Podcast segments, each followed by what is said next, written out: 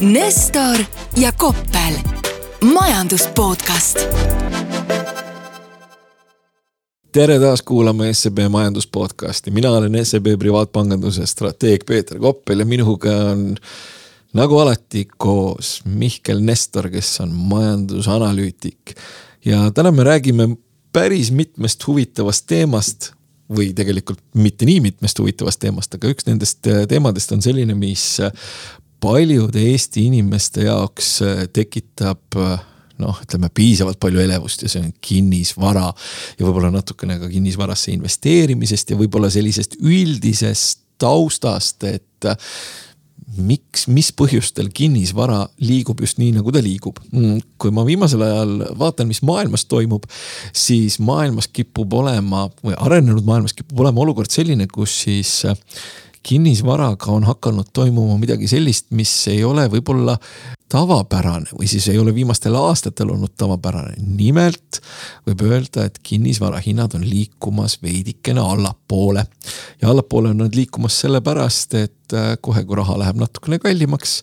siis üldiselt on arusaadav, miks ta allapoole veidikene liigub ja raha veidikene kallimaks minemine näiteks Ühendriikides ei ole teps mitte veidikene,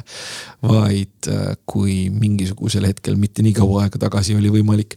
kolmekümneks aastaks võtta laenu kahe koma kuuega, siis nüüd on see intress, fikseeritud intress juba üle viie. ja nüüd kujutage ette, palju kuumaks muutub sama hinnaga kinnisvarale, päris palju. aga Mihkel, kuidas Eestis sellega lood on, et siin on ka ikkagi midagi juba tasapisi toimumas no Eestis mingisugusest hinnalangusest täna rääkida on ikka varavõitu veel, aga eks me näeme, et mis siis äh, tulevikus juhtuma hakkab. Laiemalt sa ütlesid, et äh, on kinnisvara hinnalangus kuidagi näha mitmel pool, et noh, samamoodi tegelikult varasematel aastatel on just vastupidi olnud, et meil on viimased aastad siin olnud meeletu hinnaralli ka sellistes nagu riikides või majandustes, kus siis pole vast harjutud sellega, et hinnad väga kiiresti just kinnisvara puhul tõusevad. aga nüüd siis on pidu läbi, jah? no kas nüüd just läbi, aga ütleme niimoodi, et minu sünniaasta võimaldab äh, mul mäletada ka eelmist äh, sellist, noh, no ma ei tahaks öelda, et kriis tuleb, aga võimaldab mäletada mäletada suurt finantskriisi ja võimaldab mäletada selle seost äh, tegelikult ka äh, Ühendriikide kinnisvaraga. ja ütleme, kui ma seda Ühendriikide kinnisvara vaatan, siis tõepoolest äh, kipub ikkagi natukene olema niimoodi, et kui seal midagi juhtub, siis see mingisugusel viisil jõuab ka meile. ja seal juba noh, nagu ma ütlesin, selle raha kallinemise tõttu on veidikene juhtunud, et kõik, ütleme sellised arendajad ütlevad, et saabunud on mingisugune huvitav paus. ja teine asi, mis on juhtunud, on see, et, et noh, vaata sulle ka ilmsesti meeldib see kinnisvara kättesaadavus mm, ja seda graafikut näidata, et kus siis sissetulekuga võrreldes, eks ole, ruutmeetri hind on püsinud ikkagi nagu, nagu, nagu suhteliselt stabiilne, et vist alles eelmine, eelmine aasta hakkas, hakkas see kättesaadavus selgelt vähenema. et Ühendriikides on juhtunud selline huvitav lugu, et see kättesaadavus on tegelikult noh kas nüüd just ajaloo halvim, aga, aga vähemalt paari inimese, inimpõlve mäletamist, mäletamise mõttes nagu halvim ja arvestades, et seal on aktiivsus vähenemas, ostjad peavad pausi, arendajatel on sihuke tunne, et eriti mõnus ei ole. et noh, kuidagi võib see ühel hetkel ikkagi nagu ka siin tunda anda, et see, need globaalsed protsessid kipuvad Ühendriikidest al, al, algama, et no kuidas sa seda kommenteeriks? Aga ma olen elanud siin õndsas teadmatuses, et sa ütlesid et, et kahe koma kuuelt protsendilt on viiele protsendile juba kodulaenu intress Ühendriikides tõusnud, et kas see on selline riik, et kus sa paned endale intressimäära laenulepingut sõlmides kohe lukku järgmiseks kolmekümneks aastaks või? põhimõtteliselt Ameerikas võetakse fikseeritud intressiga laenu peamiselt küll jah. ja ajalooliselt on, ütleme, see, see viis ei ole olnud mitte mingisugune probleem, et noh, mina mäletan ka aega, kus siis öeldi, et et, et Ühendriikides on võimalik saada kolmekümneks aastaks viie protsendiga laenu, et see tundus nagu praktiliselt, praktiliselt tasuta. aga tänasel päeval noh, see praktiliselt tasuta ei, ei tundu ja just nimelt selle äh, nii-öelda liikumise kiirus nii-öelda kahe koma kuue pealt äh, kõrgemale kui viis on olnud, on olnud märkimisväärne. siin nagu meie regioonis on ju tegelikult valdav see, et äh, intressimäär kipub ajas muutuma ja mina olen võib-olla eelkõige siis siin silma peal hoidnud Põhjamaadel, et kus on ka inimesed täitsa närviliseks muutunud. et kui vaadata just seda, et kui suurtes võlgades võib-olla need Põhjamaad on et meile alati meeldib siin kiruda Itaaliat, on ju, kus on suur riigivõlg, et noh, Itaalia riigivõlg võib suur olla, aga majapidamiste võlg on jälle väga väike. samas Põhjamaad täpselt vastupidi, et seal on just need majapidamised ennast päris, päris korralikult täis laenanud, et just vaatasin siin mingit hiljutist statistikat, et kui me räägime üldse tulu, mis siis majapidamised aastas teenivad ja võrdleme seda majapidamiste laenukoormusega, noh Rootsis see number, siis see suhe on kakssada protsenti. Norras, Taanis kuskil isegi kakssada viiskümmend protsenti, et Eestis näiteks äh, sama näitaja kaheksakümmend protsenti. ehk siis majapidamised on nagu väga suurtes võlgades ja kui seal nüüd see muutuv intressimäär ühel hetkel üles läheb, et see võib nagu tekitada paremat peavalu, eriti kui sa oled just Stockholmis sellise üsna kalli kodu soetanud suure laenuga. tundub jah, võib-olla, et seal Stockholmis on midagi toimumas, sellepärast et noh, nii kaua jällegi, kui mina mäletan, siis Rootsi kinnisvara on selline asi, mis on kippunud tõusma äh, hirmsamal kombel ja vist mingisuguse jõnksu ta ka sellise mm, jällegi ta, tahtsin öelda eelmise, aga siis ütleme suure finantskriisi ajal tegi, aga siis kuskil kahe tuhande kümnendast, kahe tuhande üheteistkümnendast on hinnad läinud ainult ülesse ja kui nüüd äh, nii-öelda vestelda oma mm, Rootsi kolleegidega, siis noh, mõtleme, eks ole, võib-olla mingisugune tubli spetsialist privaatpangandusest äh, ei teeni ka Rootsi mõistes teps mitte keskmist palka, aga nende jaoks äh, Stockholmi kinnisvara on miski, mis tundub olevat täiesti kättesaamatu ja õndsad ja õnnelikud on need, kellel on kunagi mingisugusel varasemal ajal mingisugune magus kinnisvararaas suudetud ära osta. ja et äh, Peter Koppelsonidele jaoks on, ma arvan ka see Stockholmi kinnisvara ikkagi muutunud juba natuke liiga kalliks, et selleks peab ikkagi ma kuskilt lugesin, et äh, Rootsis on väga oluline see, et mis su perekonnanimi on, et kui on Son, et siis sa ei saa Stockholmis nagu kinnisvara osta, kui sa ütled perekonnanimi lõpeb Soniga, aga kui lõpeb näiteks mingi Bergi või millegi sellisega, et siis siis pidid variandid paremad olema. no ma ei ole sellest teadlik, aga ma küll kunagi viskasin ühe Rootsi härrasmehe kuuldes nalja, et, et Rootsi peamine perekonnanimi on Svensson ja siis järgmine on Karlsson. ja siis, kui ta nagu väga ei naernud, ainult muigas, siis selgus, et tema perekonnanimi oligi Karlsson. ei, seal süsteem pidi olema selline, et noh, kui on son, et siis pärined kuskilt talupoegadest ja kui on midagi muud, et siis äh, vähe kõrgem klass. aga see Rootsi kinnisvaraturg on võib-olla nagu põnev äh, meie jaoks selles vaates, et äh, ta on päris tihedalt seotud äh, Eesti ekspordiga. et kui me vaatame nagu neid kaupasid, mida siis Eesti ettevõtted on siin varasematel aastatel Rootsi viinud. on hästi palju sealhulgas ehitusmaterjale, on mingisuguseid voodeid, madratseid äh,, igasugust erinevat ehituspuitu ja kui nüüd Rootsi kinnisvaraturg tõepoolest hakkab nagu hinge tagasi tõmbama selle hinna, hinnalanguse kartuses. et see võib mõjutada ka selliseid Eesti makromajanduslikke näitajaid. jah, ekspordist me ju sõltume. aga kuidas, kuidas seal Soomes ja Taanis lood on, et Taanis sa ütlesid, et kodumajapidamiste võlakoormus on noh, minu jaoks ikkagi suhteliselt hirmutav number. ja Taani, Taanis kakssada nelikümmend protsenti vist viimati, aga no ma nüüd Taanit võib-olla nii igapäevaselt ei jälgi aga Soome puhul täpselt samamoodi, et ehitusmahud on hakanud äh, allapoole tulema. ja jah, selline regioonis tundub olevat selline laiem trend üldiselt, et see ehitus, äh, ehitusmahud lähevad alla.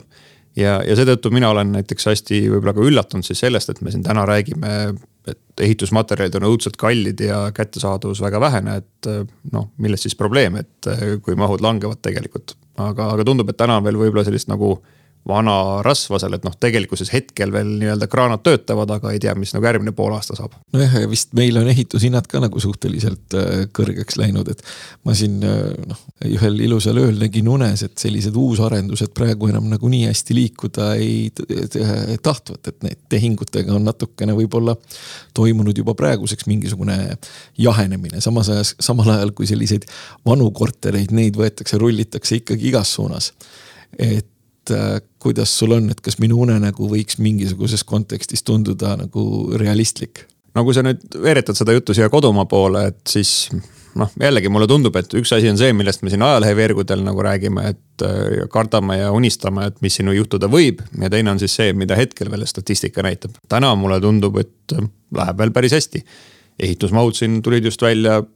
esimene kvartal pluss kakskümmend protsenti võrreldes eelmise aastaga hoonete ehituse puhul, et ei tohiks nagu kurta tehingumahud on äh, ikkagi üsna kõrged veel, hinnatõus äh, väga vinge siin viimati, kui ma ei eksi, pluss neliteist protsenti siin äh, esimeses kvartalis keskmine korteri hind, et tunduks nagu, et läheb suurepäraselt hetkel. aga kus kohas võiks nagu valusaks minna, et kui jällegi tulles tagasi selle juurde, et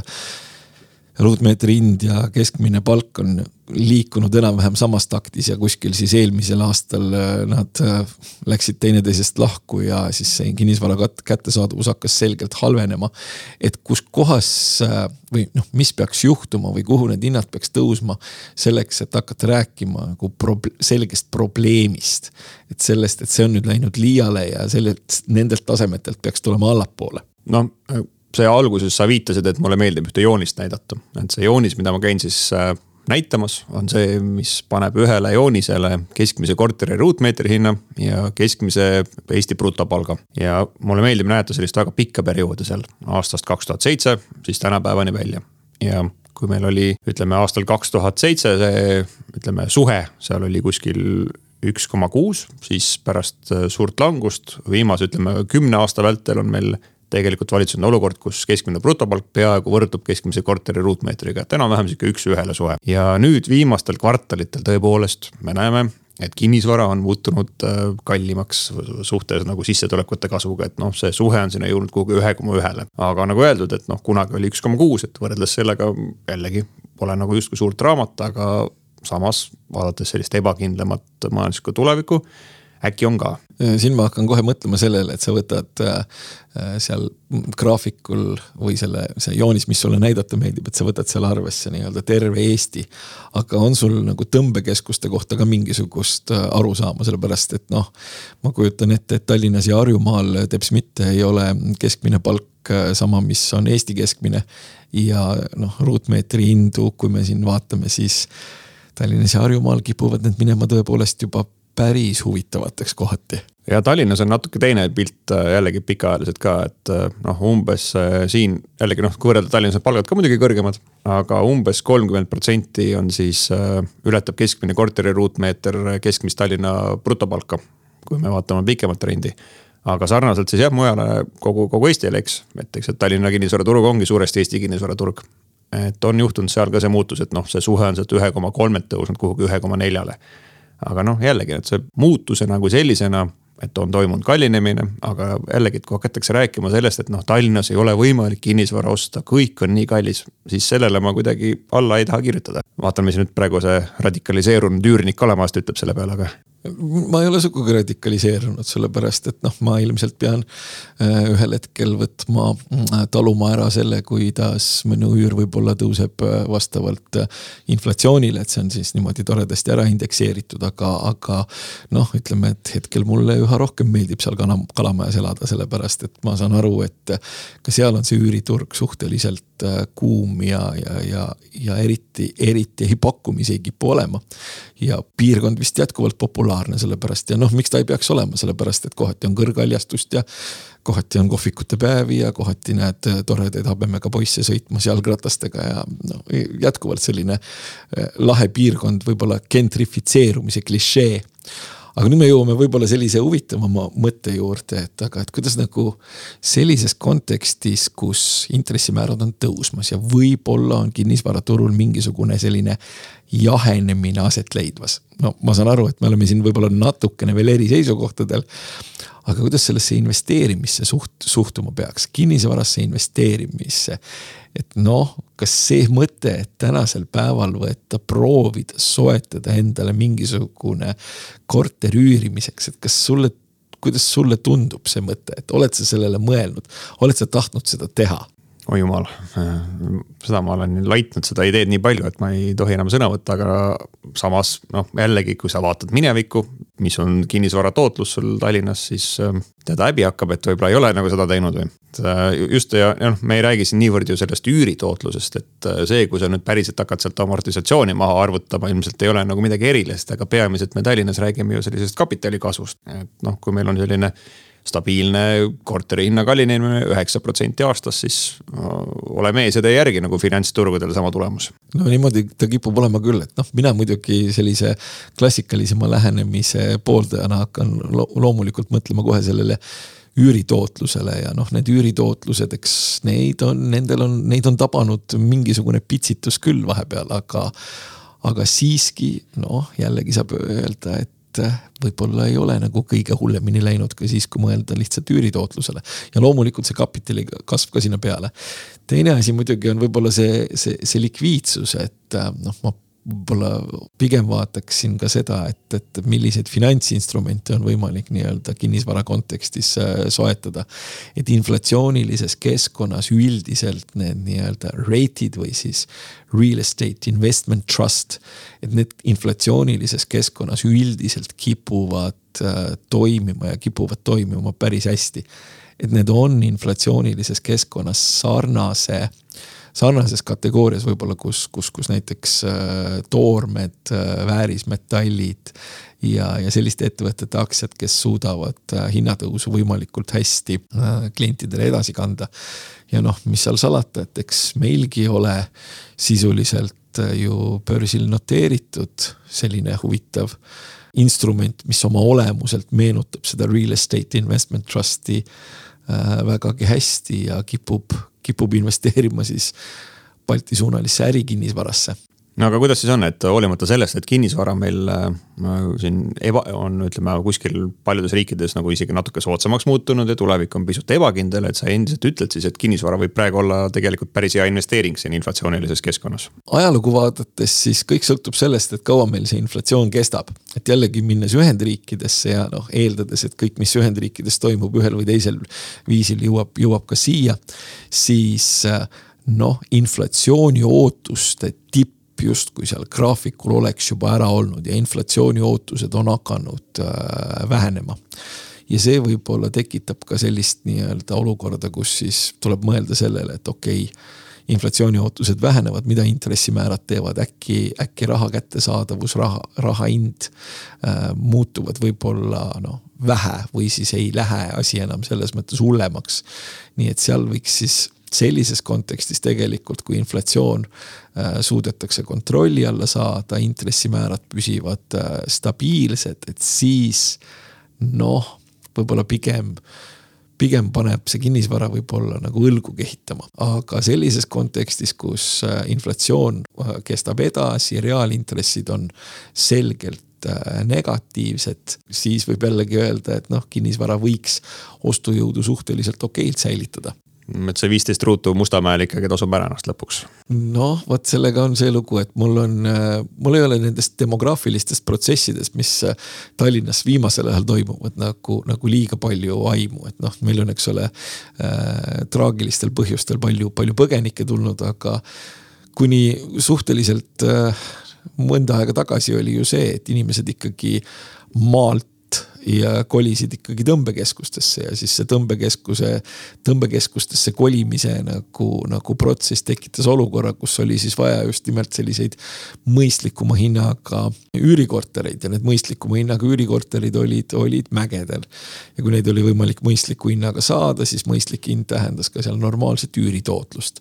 ja noh, muidugi kui need tähendas normaalset üüritootlust ja üldine keskkond oli selline, nagu ta oli, siis tuli sealt ka kena kapitali kasv nii et äh, noh, arvestades seda, et üldine muidu kinnisvara muut-, on muutunud kohutavalt palju kallimaks, siis noh, ma võib-olla ei suhtukski nagu nii negatiivselt mingisugusesse väiksesse korterisse, kui selle mõistliku hinnaga kätte saab. kusjuures minul on tutvusringkonnas mõned sellised väike kinnisvarainvestorid on isegi mõni on oma korteri maha müünud, et äh, tundub, et eba, tulevik on ebakindel, aga no jaa, et eks me näeme, on ju eks me näe, sellepärast et noh, see tuleviku ebakindlus, see on ka huvitav teema, sellepärast et kui me nüüd mõtleme sellele, mis toimus näiteks äh,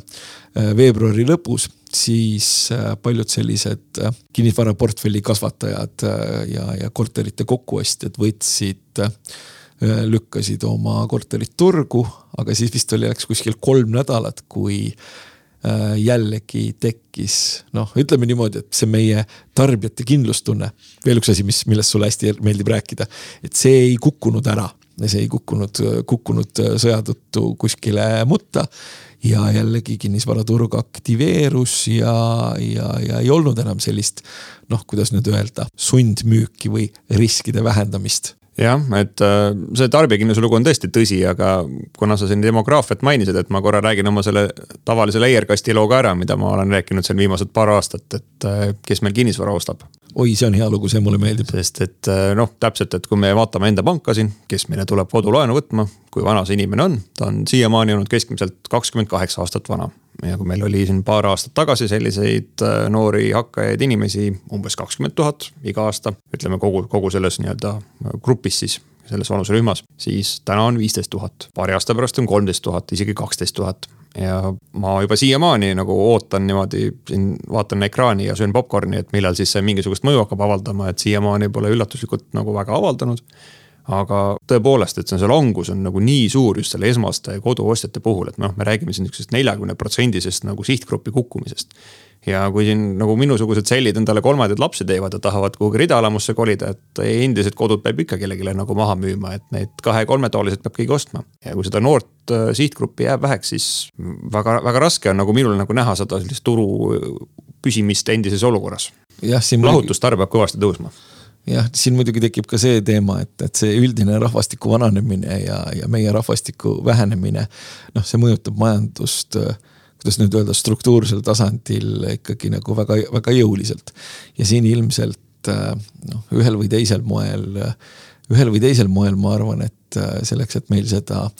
majanduse moodi laiendatud laulupidu pidada, siis äh, noh, immigratsioon saab olema ikkagi mingisuguses kontekstis mingisugune teema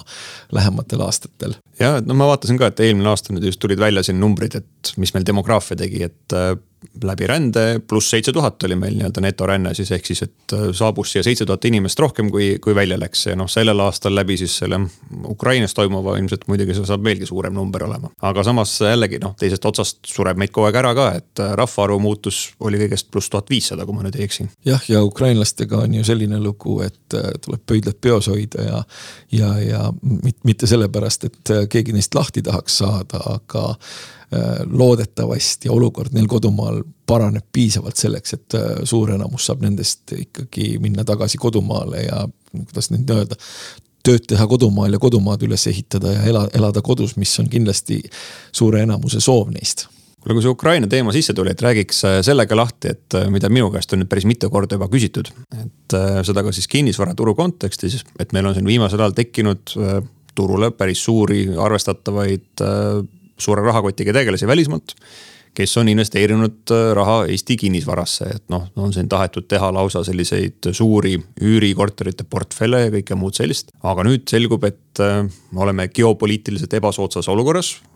võib siin hirmuäratav naabrimees tulla ja mingisuguse jama korraldada ja nüüd hakkavad siis nagu investorid põgenema ja minul on nagu hästi raske seda kuidagi ümber lükata või kinnitada, et mul mingisuguseid andmeid selle kohta pole, aga mis see sinu selline kõhutunne ütleb või teadmine? mul on võimalik võib-olla nagu tuua näiteid sellest, mis toimus nagu kaks tuhat neliteist. ja kaks tuhat neliteist oli põhimõtteliselt äh,, oldi silmitsi sarnaste muredega. oldi silmitsi sarnaste muredega alates välisinvestorid investeerimas äh, kohalikku pisikesse äh, börsi, oli probleem võib-olla natukene äh, noh, startup idelt küsiti üht-teist, kuigi noh, startup idel on selline lugu, et oluline on sul ju lõppude lõpuks see, mis on kahe kõrva vahel ja mingisugused tiimid võivad täiesti rahulikult võtta, funktsioneerida suvalises maailmakohas, aga noh, oli sellist ütleme sellist pinget ja ärevust. aga mis siis juhtus, juhtus see, et üldiselt kuskil paari aastaga oli kenasti harjutud ja see oli sisuliselt unustatud. et see geopoliitilise riski komponent äh, noh, see ei tundunud enam nii äh, hull, sellepärast et noh, ei olnud mitte midagi ju justkui, justkui juhtunud. ja see siis tähendab jällegi, jällegi seda, et inimesed paraku kipuvad harjuma kõigega. ja üldiselt äh, noh, arvestades seda meie piirkonda siin, siis kipub olema niimoodi, et see, see ahnus on ikkagi veidikene, veidikene nii-öelda jõulisem emotsioon kui hirm. okei okay,, paanikamüük ei tule, selge. aga veel üks teema nagu investeerimisega seoses on muidugi ka see olnud, et äh, täpselt see ärikinnisvara natuke mainisid juba ka aga meil on siin viimastel aastatel nii mõnigi mees äh, ikkagi väga jõukaks saanud, äh, müües siis oma senised Eesti kapitalile kuulunud investeeringud mõnele välismaisele fondile saanud tõesti väga rikkaks ja seda raha hakanud investeerima ka siin kohalikul kinnisvaraturul, mis siis ka nagu ütleme, just ärikinnisvara puhul on kohati tekitanud olukorra, kus investorid nagu on rohkem kui, kui müüjaid, et mis selle ärikinnisvara tulevik siis niimoodi võiks tuua, kui meil inimesed liiga rikkaks saavad? mina olen sellise koolkonna esindaja, kes leiab, et keegi ei saa olla kunagi noh, liiga rikas. aga siin on võib-olla natukene see selline, natukene võib-olla selline äh, see raha kättesaadavuse halvenemine ja selle raha nii-öelda kallimaks muutumine, kas seda olukorda muudab, sellepärast et noh, et eks see rikkaks saanud tegelane, kes üritab võib-olla oma paigutusi teha, ta ka nagu päris iga tootluse juures seda, seda paigutust ei tee. ja võib-olla noh, ta pigem, pigem võib-olla otsib mingisuguseid nagu paremaid äh, sisenemiskohti, võib-olla pigem natukene võib-olla muudab oma, oma sellist üldist allokatsiooni varaklasside vahel et äh, noh, vaatamata sellele, et keegi kuskil on äh, rikkaks saanud, kui see üldine temperatuur läheb veidikene alla, üldiselt raha läheb veidikene kallimaks, siis kipub inimeste mõttelaad ka veidikene muutuma. no hästi ma vaatan, et meil hakkab saade juba lõpule jõudma, et äh, üks teema, mille me tahtsime veel ära mainida, on see, et siis põmm-põmm-põmm, homme on oodata esimese kvartali majanduskasvu numbrit. mina endiselt arvan, et pigem tuleb selline positiivne üllatus, aga kui seda edaspidi siduda, siis ka kuidagi või noh, mis edasi saama hakkab ja seda siduda natuke ehitussektoriga, kes on ju teatavasti väga oluline nagu panustaja Eesti majanduskasvu, et noh umbes, umbes seitse protsenti Eesti SKP-st on sealt pärit. Siis äh, vaatan just huviga võib-olla ka seda ehitussektori edasist käekäiku ja, ja selle mõju Eesti majanduskasvule, et kui siin tõesti see ehitushindade kasv peaks ikkagi liiga käest ära minema, siis valitseb ju tõesti oht, et äh, aasta teises pooles hakkab see sektor päris jõuliselt nagu Eesti majanduskasvu allapoole vedama. et kas siis põhimõtteliselt tähendab seda, et lõppkokkuvõttes ikkagi on võimalik endale teises, aasta teises pooles ehitusmees saada? Ja, et ma ajasin just ehitusettevõtjad sellega pahaseks, et käisin nende konverentsil rääkimas ja tõin selle välja, et täna nagu ehituslubade arv on languses. riik siin räägib, et peab võib-olla kolmkümmend protsenti nagu koomale tõmbama oma ehitusplaane ja et mis see nagu hindadele tähi, tähendab. noh, ütlesin ka, et kui nõudlust nagu ei ole regioonis laiemalt, et kellelegi te peate ju midagi müüma, selle peale mulle öeldi, et aga meil on marginaalid niigi väikesed. no tead vahel võivad marginaalid ka negatiivsed olla, kui olukord ikka väga hapraks läheb jah, sellepärast et noh, lõppude lõpuks ka siis äh, tellijate rahakott ju ka ei ole nagu, nagu lõputu. et äh, noh, siin tekib tõesti juba nagu see olukord, kus siis tellija peab selgelt nagu vaatama, et mis, mis tal, mida tal on võimalik osta ja teine asi muidugi, et selles huvitavas inflatsioonilises keskkonnas ilmselt on ka nagu selline väikene probleem, et võib-olla tahetakse, noh, kuidas nüüd öelda äh, viisakalt, äh, võib-olla ehitaja tahab arve lahti jätta. ja kui keegi tahab arve lahti jätta, siis noh, mina üldiselt äh, sellise, ma ei saa öelda, et ma nüüd väga riskikartlik oleks, aga ma üldiselt lahtise arvega asjad mulle nagu väga ei meeldi, sellepärast et noh, võib-olla mõnel on kogemus sellest, kui ta on kellelgi kuskil lahtise arvega välja teinud ja siis on selgunud, et millegipärast on XO konjakit joodud nagu teeklaasist jah, et sellepärast ma arvangi, et võib-olla see mõni kvartal aeglasemat majanduskasvu või suisa majanduslangust äkki nagu tead, tuleks sellisele kainele meelele abiks, et äh, XO konjaka asemel võiks vahepeal ka sõmu vett võtta. jah, ja noh, ja siis tuleb alati meelde tuletada seda, et see majanduslangus, kui see meil sellel aastal ka nii-öelda tulema peaks ja aasta miinusega lõppema, et see ei ole teps mitte selline tavaline majanduslangus. et nominaalkasv on ju ikkagi äge ja siblimine on ju aktiivne jah, kuulajad, ärge muretsege, raha otsa ei saa. aga sellega tõmbakski seekordse podcast'i otsad kokku ja kohtume siis jälle kahe nädala pärast. kõike kõige paremat. Nestor ja Koppel, majandus podcast